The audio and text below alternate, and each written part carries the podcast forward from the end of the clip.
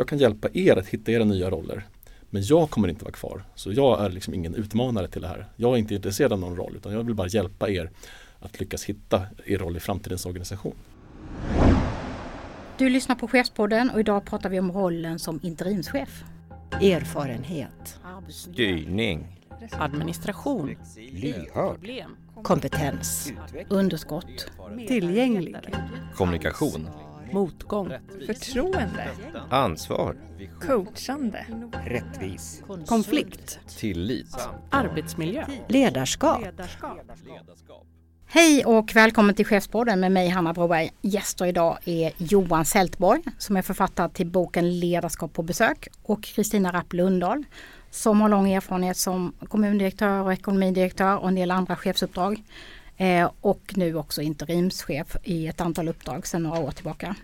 Jag tänkte säga varmt välkommen till er och eh, Johan, du får berätta lite mer. Vem är du? Tusen tack! Eh, jag eh, heter Johan, jag har som sagt eh, skrivit en bok. En mångårig författardröm som blev sann förra året. Utöver det så är jag civilingenjör och har haft olika chefsjobb sen examen. Jag har jobbat med internationell försäljning, varit försäljningschef och VD. Och sen fem år tillbaka så jobbar jag mestadels som interimschef, alltså tillfällig chef. Min grej brukar vara att när min företrädare hastigt slutar så dimper jag ner i min lilla fallskärm för att försöka skapa trygghet i organisationen och ska staka ut en väg framåt och det är oftast någon form av förändringsarbete. Mm. Och mitt i det här så kom jag på att eh, det är så pass annorlunda att jobba som interimschef.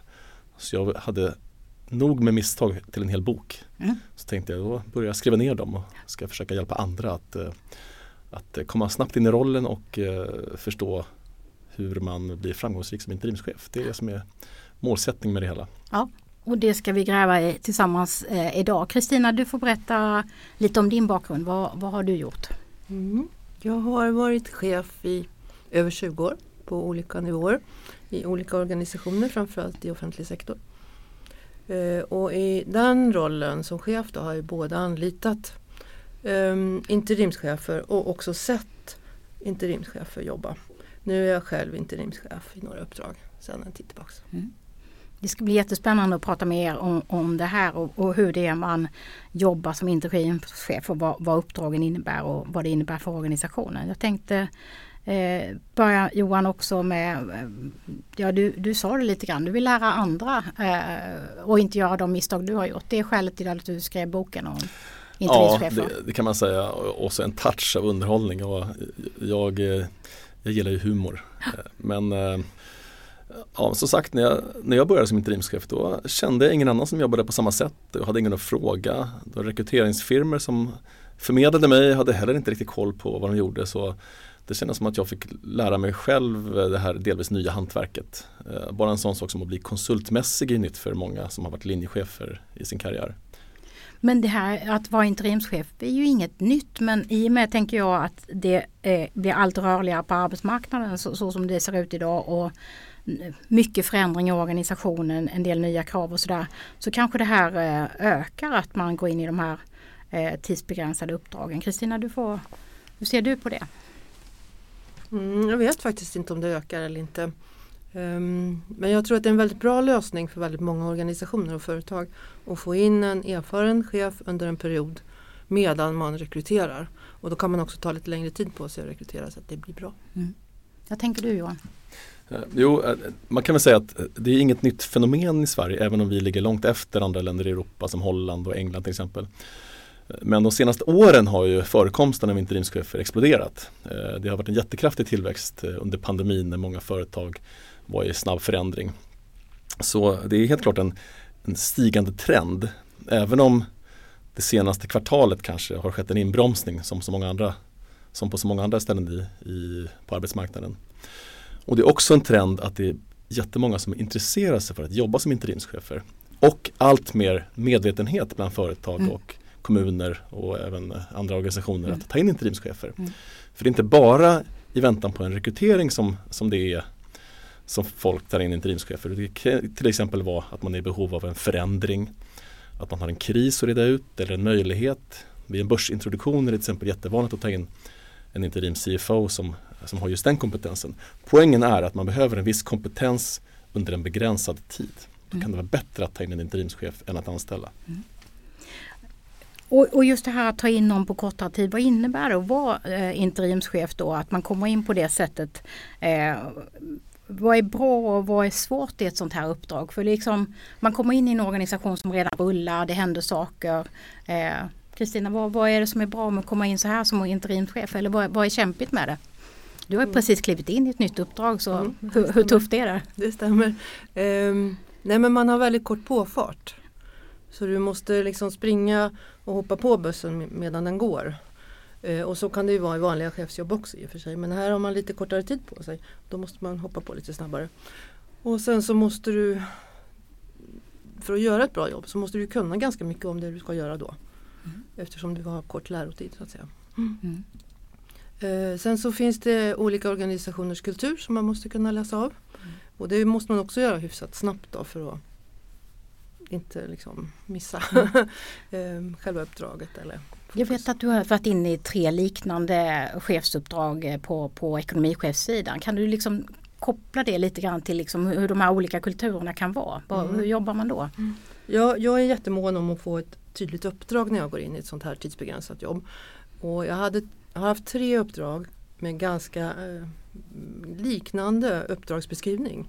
Alltså gör en budget, tjänstemannadelen av en budget och se till att ekonomiavdelningen styrs och leds. Um, och uppdragsbeskrivningar har som sagt sett likadan ut. Men du måste göra det på helt olika sätt eftersom du kommer in i olika kulturer. Och då måste man väldigt snabbt lyssna av. Hur ska jag rigga det här just där? Därför att om man hade riggat det på det sättet i den andra kommunen till exempel, då hade det blivit alldeles fel. Mm. Du måste väldigt snabbt kunna läsa av både tjänstemannakultur men också politiska signaler. Samtidigt Johan så kommer man ju liksom lite utifrån. Man har en position att man är där för en tid och alla vet att man är där liksom en begränsad tid också. Hur, Mm. hur hanterar man det? Att man är liksom en, en person lite utifrån. Det är kanske både positivt och negativt. Ja, det tycker jag absolut. Det är både försvårande och har vissa eh, underlättar på vissa sätt. Det kan ju vara försvårande på så sätt att det är inte säkert att du får den respekten med dig som en permanent chef har. Det kan vara så att ingen har hört talas om ordet interim tidigare och inte kan förstå vad en interim försäljningschef ska göra där under ett halvår när det tar ett halvår att lära sig vår bransch som många säger. Eh, man har inte det alltid automatiskt med sig. Eh, däremot så kan det underlätta att komma utifrån därför att du kan stå utanför all politik. Du behöver inte ta del av det rävspelet. Och det som jag tycker är viktigast om man lyckas knäcka den nöten att få folk att förstå att det enda vi vet är att jag inte kommer vara kvar. Då har man möjlighet att avdramatisera sin egen roll och det inte framstår som ett hot trots att man kanske driver en ganska tuff förändring. Det tycker jag är en av de viktigaste framgångsfaktorerna när jag driver förändringsarbetet. se mig som en hjälpare. Jag kan hjälpa er att hitta era nya roller. Men jag kommer inte vara kvar. Så jag är liksom ingen utmanare till det här. Jag är inte intresserad av någon roll utan jag vill bara hjälpa er att lyckas hitta er roll i framtidens organisation. Mm. Så både för och nackdelar skulle jag säga. Både lättare och svårare i olika dimensioner. Men mycket av det här tänker jag som, som erfarna chefer som det är att, att det är det som man gör som chef i vanliga fall också. Det här att, att se till att eh, de olika medarbetarna har, har rätt förutsättningar för att göra det här uppdraget som, som ni har fått i organisationen. Eller hur Kristina? Det stämmer absolut. Det gäller ju att hitta eh, system och strukturer så att varje, varje person kommer liksom till rätta och kan göra så bra som möjligt. Mm. Det skiljer ingenting mellan interim och, och eh, ordinarie tjänster tycker jag. Men däremot så kan man ju tänka att eh, sättet som andra ser på dig kan skilja. Alltså till exempel i en ledningsgrupp så kan man ju eh, har jag upplevt ha synpunkter på att den där personen som bara är här tillfälligt ska inte ha synpunkter på allting som vi diskuterar. alltså Man får lite avgränsade... man får ett litet avgränsat mandat Ja. på något sätt. Eh, och det måste man också förhålla sig till. Eh, jag har haft anlitat interimchefer som har flutit iväg. Och det blir inget bra. Nej. Så man måste känna efter där. Var, hur ser mitt mandat eller mitt utrymme ut? Ja. Och det kan väl vara rätt olika hur tydligt uppdrag man får. Du har gett uppdrag och du har fått uppdraget. Den där tydliga uppdragsbeskrivningen med den typen av kanske avgränsningar. eh, Är det vanligt eller? Ja, det tror jag är ganska vanligt. Vad som inte är vanligt är att man pratar eh, eller jag tror att man pratar för lite om den här kontexten. Alltså vad är det för kultur du ska göra ditt uppdrag i. Mm. För det påverkar ju hur du ska göra det. Mm. Jättemycket. Johan, tycker du att det är vanligt eller har du sett, för du, du, du visar ju på lite misslyckanden i boken eller liksom eh, att, att det kanske kan se lite olika ut. Ja, eh, mitt första uppdrag var ett blankt papper i stort sett. Jag fick inget, inget uppdrag alls och då var jag själv inte, inte erfaren nog att själv eh, liksom skapa en tydlig uppdragsbeskrivning. Men jag skulle säga att, att det tvärtom är ganska ovanligt att man får en tydlig uppdragsbeskrivning. Eh, det kan vara en ansats, ett försök, men ofta har jag sett att det innehåller luckor. Det är väldigt många som inte kan skilja på en befattningsbeskrivning och en uppdragsbeskrivning. Det ser man om man kollar på annonser efter interimschefer, interimsledare. Så är det väldigt ofta formulerat som att det är ett antal ansvarsområden man ska hantera. Men det står ingenting om vad man faktiskt ska utföra. Och går man in som interimschef och tar en massa ansvar utan tydliga mål, ja då kan det lätt bli att man går i den fällan att man vill ta en massa ansvar, rulla alla tio bollar samtidigt men inte får tillräckligt mycket gjort just i det specifika uppdrag som du faktiskt är där för att göra. Det, jag ser tvärtom ofta att det är otydligt formulerat och det är en stor risk som man behöver hantera och vara medveten om när man går in i uppdrag. Mm. Vi får, vi, vi får hoppas att även uppdragsgivare lyssnar på podden. Och, äh. Uppdragsgivare är ju ofta är oftare oerfarna än vad interimsledarna är. Så det är egentligen de vi ska rikta oss till. Man, man får kanske som interimschef själv guida lite grann så att man, man får sitt uppdrag. Så är det jätteofta. Ja. Eh, vad krävs det då för, för, för eh, det ni beskriver att kunna läsa av, komma, komma in väldigt snabbt i organisationen och läsa av kultur och så vidare. Det kräver ju rätt mycket kompetens och erfarenhet gissar jag både specifikt i det eh, ja, som ingenjör eller som ekonom men också eh, som chef. Eh, att ha ganska väl eh, packat i sitt bagage så att säga. Eh, hur, hur, ser ni på det? Jag håller helt med eh, och det är ett, ett skäl till att vi inte ser så många yngre interimschefer. Det är ganska ovanligt under 45-50 att man blir, tar den här rollen. Och i de flesta uppdrag, åtminstone när man är tillsatt för att driva en förändring, så krävs det att du är överkvalificerad för uppgiften. Det vill säga du skulle inte vara intresserad av att ta det som permanent jobb. Precis som Kristina sa förut så behöver man ha en kort startsträcka. Du behöver veta vad du gör och helst ha gjort samma sak innan. Så att du vet, har en känsla för vad du behöver göra för att lyckas med det. Mm. Kristina, mm. vad skulle du beskriva för förmågor och erfarenheter som man behöver i bagaget? Kunskap. Mm.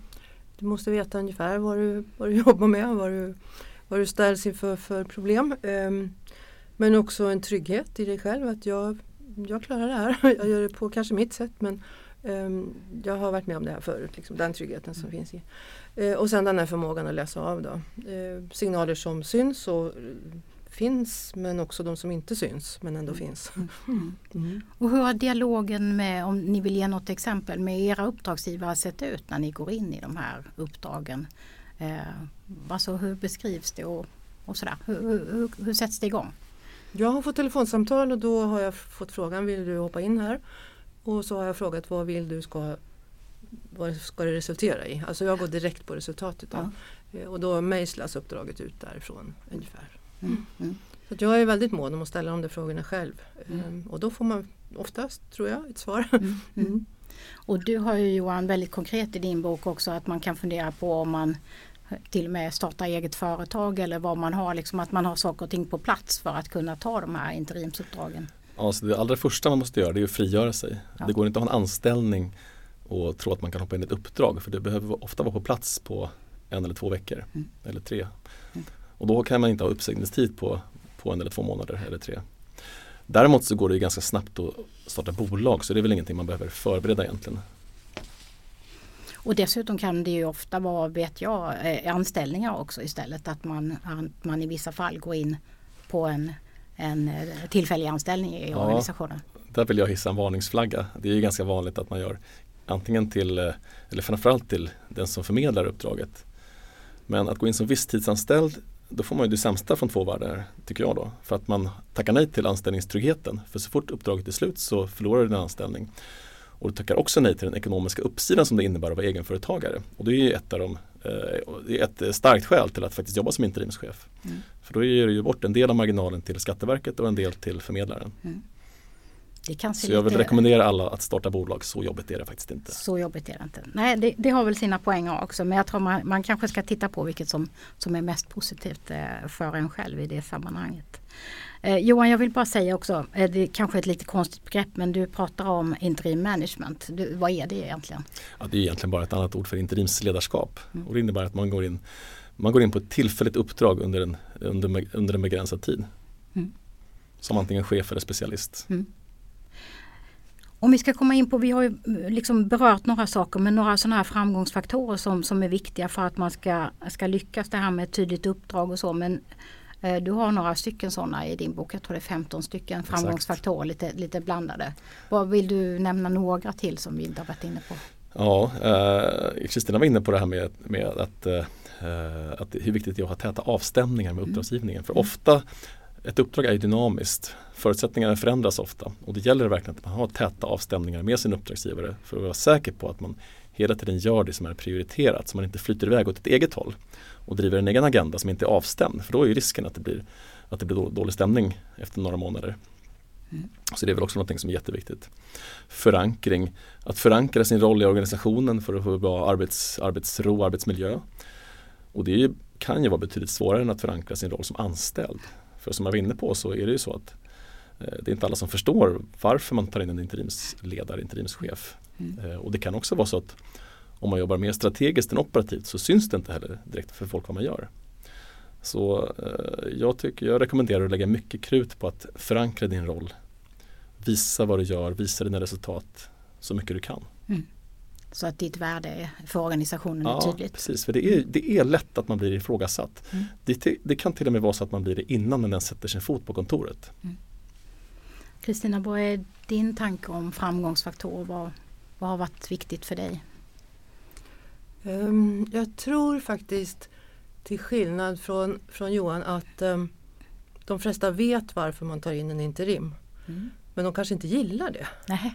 För det kan vara sån förändring som man egentligen inte vill ha, som ledningen vill ha fast man inte vill ha. Eller det kan vara en person som man tycker väldigt mycket om som ska flytta på sig. Ja. Och så kommer in en annan istället. Så man måste lyssna av det där jättenoga. Mm. Jättenoga. Och sen ehm, ja, försöka förstå. Så det kan Det skava finns- lite när man ja, kliver det in kan där? skava. Mm. Och det, ehm, det kan ju vara personer som har jobbat jättelänge tillsammans och sen ska en lämna. Och då kommer man, en ny istället ja, ja, som ska göra ett uppdraget fast på ett lite annat sätt. ja, För att få ut mer pang för pengarna kanske. ja. Eller. Ehm, det, det är inte friktionsfritt, det är inte enkelt för många. För då har de sina relationer i botten. Mm. Och det måste man ju respektera och förstå. Och en del kan vara outtalat också som man upptäcker kanske på resan. En del syns som sagt och en del syns inte. Nej. Då får man försöka tyda det i alla fall. Ja. Mm.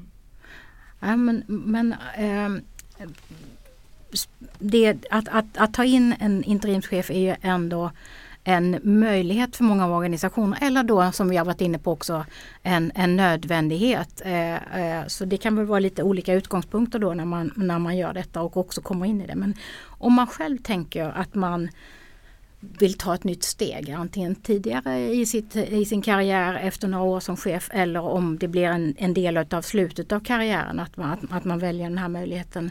Hur, hur ska man eh, tänka inför ett sådant eh, uppdrag? Eh, vad är det man är det bara friheten man ska längta efter eller är det liksom vad, vad är grejen med att, att gå in i ett sånt här eh, chefsliv istället? Alltså jag tycker för det första om man har tillfällighet så kan man gott testa om man är nyfiken. Det är inget val som man gör för resten av karriären. Om man inte trivs med det, den typ, det sättet att jobba så, så kan man ju eh, kliva av det och, och börja bli anställd igen. Och vara en erfarenhet och en merit rikare skulle jag vilja säga. Men eh, det finns ju både för och nackdelar. Eh, stora fördelarna tycker jag är, det är frihet, flexibilitet, en ekonomisk uppsida, överlag en bättre balans i livet. Men jag ska inte sticka under stol med att jag känner mig väldigt ensam ibland. Eh, I uppdragen så kan det hända att man är ensam, att man är utelämnad, kanske inte får följa med på konferenser och bli medbjuden på lunch. Mellan uppdragen kan det vara rätt ensamt. Ehm, otryggheten eh, har jag lärt mig hantera. Eh, men det är klart att, att varje midsommar inte veta vad man ska göra efter sommaren, det, det passar inte alla. Och som Kristina var inne på, inte alltid men ibland är det ganska utsatt. Man kan bli ifrågasatt, man kan få motstånd och så vidare. Så det är, lite, det är överlag en lite tuffare roll ska jag säga än en vanlig anställning. det finns för och nackdelar. För vissa är det fantastiskt, för andra är, passar det inte alls. Mm. Så det gäller att man känner efter själv vad man tror att man passar Mm. för. Hur tycker du Kristina att man ska tänka om man ska gå in i de här lite kortare uppdragen och ett nytt skede i chefslivet? Jag tycker att det är ett fantastiskt bra sätt att runda av en lång karriär. Eh, och ta tillvara lite på den kompetens och kunskap som man har. Ehm, men ändå eh, ha ett, ja, ehm, en begränsad tid. Eh, och jag, eh, jag har räknat lite på det där med konsultuppdrag versus tillfällig anställning. Och det är inte så självklart i alla, för alla. Och jag tror att en del kan till och med tjäna på att gå in som tillfälligt anställda. Det beror lite på vad man har för position och, och hur man riggar det. Ehm, jag vet att många är lite bekymrade och tycker, tror att det är svårare än vad, man, vad det egentligen är att starta bolag. Man behöver inte göra det för att vara tillfälligt eller för att vara interimchef. Utan- Ehm, utan det då- finns också ganska många organisationer nu som inte vill ha in konsulter. Alltså man vill dra ner på sina kostnader och då tror man att det här är ett annat sätt. Just Det är det. det kanske också. Ja, så vissa fakturer kan man liksom ha lite problem med i en organisation och då är det lättare med en Det anställning. finns väldigt många kommuner nu till exempel som har i princip konsultstopp. Så det får man vara lite öppen för när man kliver in i Ja, det här, att man Det tänker den här. både, ja. både, mm, kommuner, regioner och, och staten tror jag. Mm, mm. Men de här, om man då har, det gäller väl både att man får de här eh, tidsbegränsade uppdragen som anställd och om man tar på sig det via sitt bolag då, att eh, de här luckorna eh, kan bli eh, lite återhämtningstid och fantastiskt lite mer frihet. Eh, men det kan ju också bli den här oron. Hur tänker man kring luckor och nästa uppdrag och hur håller man sig varm ute i interimsvärlden för att liksom kliva på något lagom och tajma det på något bra sätt? Ja, utmaningen är ju ofta att eh, det är svårt att söka nya uppdrag och hålla sig varm när man är i uppdrag. För dels så är det ofta att man får lägga fullt krut på själva uppdraget. Eh, Och behovet kommer ju ofta plötsligt, det vill säga det är svårt att ha framförhållning. Så när man går ur ett uppdrag, då är det ganska vanligt att man inte har någonting i sin, i sin pipeline. Så man får börja om. Och då är det klart att då behöver man ägna sig ganska mycket åt försäljning för att så snabbt som möjligt hitta- hitta nästa uppdrag. Men om man lyckas hålla nätverkandet vid liv hela, hela året så att säga så är det lättare när man väl står där mellan uppdrag. Men det är klart att jag tycker att generellt så gäller det att hitta någonting meningsfullt när man är mellan uppdrag. Så man inte bara går och, går och känner sig ensam och har ångest utan, utan att man gör någonting som är, som är meningsfullt vad det nu är. Det kan ju vara att allting från en ägna sig åt något intresse, skriva en bok eh, och förstås också söka nya uppdrag. Kristina, har du, hur har du tänkt med dina luckor? Har de varit liksom välkomna eller jobbiga eller eh, hur har du överbryggat dem?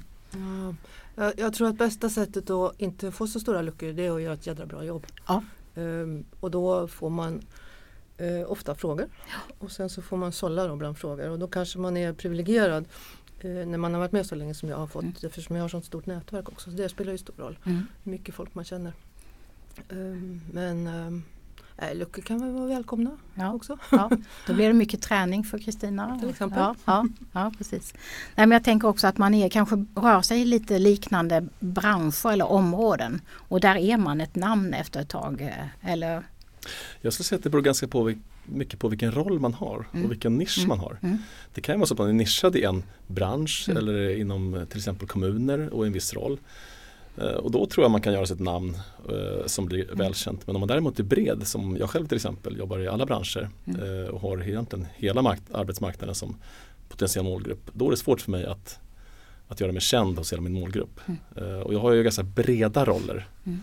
VD och försäljningschef och behovet dyker upp ganska, säll, säll, eh, ganska sällan. Så jag måste hålla väldigt många företag varma då, om jag ska lyckas med det. Mm. Så jag, för mig så räcker det inte med att göra ett bra jobb. Jag behöver också vara väldigt aktiv i min, min försäljning och min, min marknadsföring. men med all er erfarenhet då, hur tänker ni att organisationer ska tänka när man ska ta in interimschef? Om, om vi ska nu ge lite goda råd kring, ja Kristina du har ju anlitat interimschef. Hur har din organisation tänkt då? Vilken typ av uppdrag är det och liksom hur lång tid och vad är det mer man tänker eh, Jag när tror man att det? är viktigt att kratta manegen. Mm. Så att ehm, man har så stor eh, förståelse och acceptans som möjligt för att den här personen kommer. Mm. Och sen får man, tror jag, ordna lite sånt där praktiskt. Alltså lite luncher, lite kanske någon gemensam aktivitet så man får lite ge- gemenskap. Försöka Ganska- få ihop det liksom. Ingen rocket science. Nej. Den där, den där påfarten på, på motorvägen får liksom bli lite in, in, eh, ja, lite stöd i det. Mm, precis. Ja. Mm. Johan, vad tänker du om hur man kan tänka som organisation? Jag håller helt och hållet med. Eh, många interimschefer jag pratar med vittnar om att förutsättningarna är ganska dåliga när de dyker upp där. För att uppdragsgivaren har inte riktigt tänkt igenom hur man skapar rätt förutsättningar. Och det är som Kristina säger, det behöver inte vara någon rocket science men, men man behöver nog lägga några timmar på onboardingen för att få ut maximalt av sin interimschef. För att göra startsträckan så kort som möjligt. Och det kan ju till exempel vara förankring som är jätteviktigt, jättebra. Mm. Det kan vara verkligen tänka igenom vad man vill ha ut av den här investeringen. Det är ju en investering på ganska stora belopp. Mm. Så då tycker jag verkligen att det kan vara värt att lägga några timmar på att, på att skapa rätt förutsättningar. Genom att skapa rätt uppdragsbeskrivning, eh, förankra och så att säga se till att allting finns på plats när man väl börjar. Och, och en annan grupp som vi inte har pratat om i det här sammanhanget som ju liksom också oftast kopplas på om man inte blir kontaktad direkt efter, liksom i sina nätverk. Så är det ju executive search utav olika slag som, som kan lite olika mycket om den här relativt nya branschen kanske med interim. Hur, hur jobbar de och vad skulle ni vilja ge för tips till dem om hur de borde arbeta med interimsuppdragen? Eh, många är ju, eh, deras roll är ju i första hand att förmedla uppdrag. Det är mäklare precis som fastighetsmäklare och de har ju en viktig roll att fylla. Eh, det är fortfarande så att de flesta uppdrag förmedlas direkt utan, eh, utan förmedlare emellan. Men eh, de skulle kunna fylla en viktig roll med att eh, skapa rätt förutsättningar, vara med i onboardingen för de har ju i många fall, inte i alla fall, en stor erfarenhet av, av den här typen av tillsättningar. Så de, de gör det för sällan tycker jag men skulle kunna fylla en jätteviktig roll med att vara en sorts eh, moderator, facilitator mellan, eh, mellan interimschef och uppdragsgivare. Till exempel med eh, det här viktiga uppdragsbeskrivningen som vi tjatar om så mycket. Mm. Men också att löpande av, ha löpande avstämningar för, att se- för att se till att de verkligen springer åt samma håll. Mm. Med ganska små medel kan man minska risken med uppdraget skulle jag vilja säga. Kristina, du har haft kontakt med några search kanske? Ja, det har jag. Eh, Men jag skulle inte rekommendera att ha search så him- himla mycket på interim för att eh, det kanske kostar 100 000 ehm, och då får du ytterligare uppförsbacke internt. Alltså i den här psykologiska, För då kan det vara någon som har sökt också. det kan det Kanske, vara. ja. Mm, precis. Så Att, eh, ja, det, det finns säkert fördelar ibland men inte alltid. Mm. Mm. Så, men, men de, De är inte heller kanske specialister på att läsa av det här signalsystemet. Och så. Nej. Och det där med uppdraget som man sen Mm. annars får ta reda på själv i alla fall. Ja. Mm. Ja, Ja. Det kan vara bra men inte alltid. Nej, nej, precis. Nej, men jag tror att det ligger ändå ut en del uppdrag hos eh, de här searchfirmorna och så. Men, det, men eh, kanske tipset är att själv försöka jobba med sina nätverk då om- och marknadsföra sig. LinkedIn och, och andra eh, kanaler. Och som interimschef själv för att hitta uppdrag så, så behöver du jobba i alla kanaler. Mm. Både med rekryteringsföretag och i egna nätverk. Mm. Ni var inne lite på, eh, om vi ska avrunda podden lite grann med de här positiva sidorna med interimsledarskapet, den här ökade friheten och kunna liksom, eh, kanske ta vara på andra intressen som man har. Sådär. Eh, vad är det mer ni vill slå slag för? Det är det här att man man ställer om, man kanske har lämnat ett uppdrag både frivilligt och ofrivilligt. Eh, du skriver om det i, i din bok Johan. Eh, man tar med sig saker som man funderar kanske på. Eh, vad har jag gjort som var bra? Vad, vad är det jag vill göra mer utav och sådär. Så, så vad, vad, om man laddar för ett interimsledarskap istället, vad, vad är det man ska, vad, vad är det man ska eh, tänka? Vad är, vad är det som är positivt med det? Jag tycker, för min del så tycker jag den personliga utvecklingen är det som är allra mest positivt. Jag har ju de här fem åren som jag har hållit på, eh, tycker jag, haft en jättebrant positiv utvecklingskurva. Och vi var inne på det tidigare att mycket av det jag har lärt mig eh, är ju någonting som alla chefer har nytta av. Och jag är helt övertygad om att om jag nu, eller när, det är väl sannolikt så, jag har ungefär 20 år kvar räknar jag med att jobba så jag kommer inte jobba som interimschef hela vägen för att runda av karriären utan jag har många år framför mig och kommer garanterat ha anställningar också senare i livet. Men jag kommer vara mycket bättre som anställd chef än vad jag, än vad jag var senast. Tack vare alla lärdomar jag har dragit som interimschef. Så för mig är det kanske den allra viktigaste aspekten att jag känner själv att jag har blivit så mycket bättre på så mycket. Vad tänker du är, är liksom det positiva med interimsledarskapet? Vad, vad är det man ska ladda och för? påverka. Påverka? driva frågor. Mm. Mm. Bidra. Ja. Och Jag vet ju lite hur du är Kristina, det här resultatinriktade. Mm. Ja, resultat. Eh, eh, för då har man en ganska kort tid som man liksom kan överblicka också. Inte en sån här jättelångt uppdrag, man vet inte riktigt när det tar slut om man är chef i fem eller tio år. Men här kanske man kör ett halvår eller ett år Mm. och ska åstadkomma någonting. Mm. Och då vet du ungefär vad under den tiden du Ja. ska åta- åstadkomma. Det tycker jag är roligt. Ja, Och då är det förhoppningsvis någonting som gör att någonting annat blir bättre. ja, ja. Så också känner de lite grann om sitt eget ledarskap och drivkrafter och sådana saker. Det är kanske en poäng när man ska välja och välja bort eh, olika typer av uppdrag. Var kommer man in bäst i en organisation och uppdrag? Jag tror man måste ha ganska mycket grundtrygghet för att landa rätt. Mm. Både om sitt ledarskap och om sina personliga drivkrafter och om sitt sätt att att vara. Mm. Är det något eh, ni vill skicka med på slutet här? Johan, vad är dina bästa tips?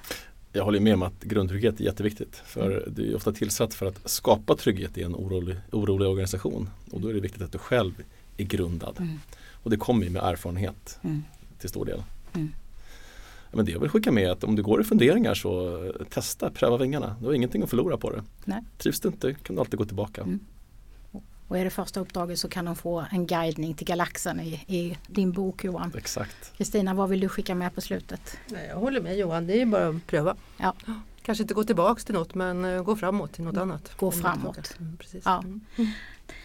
Tusen tack till er båda, Kristina Rapp Lundahl och Johan Sältborg för de här erfarenheterna kring eh, rollen som interimschef. Eh, jätteglad att ni kom hit eh, och jag passar på att bara puffa för att vi har ett mentorprogram och löpande rekryterar mentorer till det. Så hör av er till mig om ni är sugna på att träffa någon yngre kollega och just jobba med att dela er erfarenhet på olika sätt. Hanna Boberg akademisk.se och vi sänder Chefspodden igen om ett tag och ni hittar den i olika kanaler.